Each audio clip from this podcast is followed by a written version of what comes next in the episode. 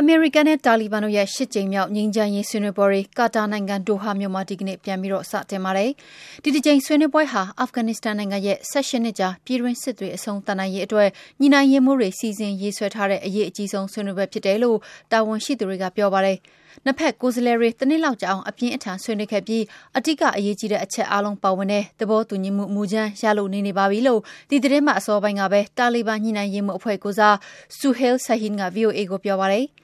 အမေရိကန်တပ်တွေရုပ်သိမ်းပေးဖို့အတွက်အပြန်အလှန်အနေနဲ့အာဖဂန်နိုင်ငံနဲ့အထူးသဖြင့်တာလီဘန်တို့ထိန်းချုပ်ထားတဲ့နယ်မြေတွေကနေအကြမ်းဖက်ဝါဒီတွေနိုင်ငံဖြတ်ကျော်ပြီးအကြမ်းဖက်မှုတွေကျူးလွန်နိုင်ခြင်းမရှိအောင်တာလီဘန်တို့ကအာမခံပေးရမယ်ဆိုတဲ့အချက်တွေမူကြမ်းထဲမှာပါဝင်တယ်လို့ဆဟင်ကပြောပါတယ်။အခြားအသေးစိတ်အချက်အလက်တွေကိုတော့သူကထပ်ပြောမသွားပါဘူး။ကုလသမဂ္ဂကဒီကနေ့ထုတ်ပြန်တဲ့ကြေညာချက်ထဲမှာတော့ဇူလိုင်လမှာအာဖဂန်အရက်သားသေဆုံးမှုတွေအကြီးအကျယ်မြင့်တက်လာတယ်လို့ဖော်ပြပါတယ်။အရက်သား1500ထက်မနည်းသေဆုံးဒဏ်ရာရခဲ့တယ်လို့ဒါဟာ2019ခုနှစ်မေလကစပြီးတော့အများဆုံးအရေးအတွက်ဖြစ်တယ်လို့လည်းဖော်ပြထားပါတယ်။သေဆုံးခဲ့ရတဲ့အရက်သား90ရာခိုင်နှုန်းကျော်ဟာ IED လို့ခေါ်တဲ့လက်လုံပုံးတွေကြောင့်ဖြစ်တယ်လို့လည်းဆိုထားပါတယ်။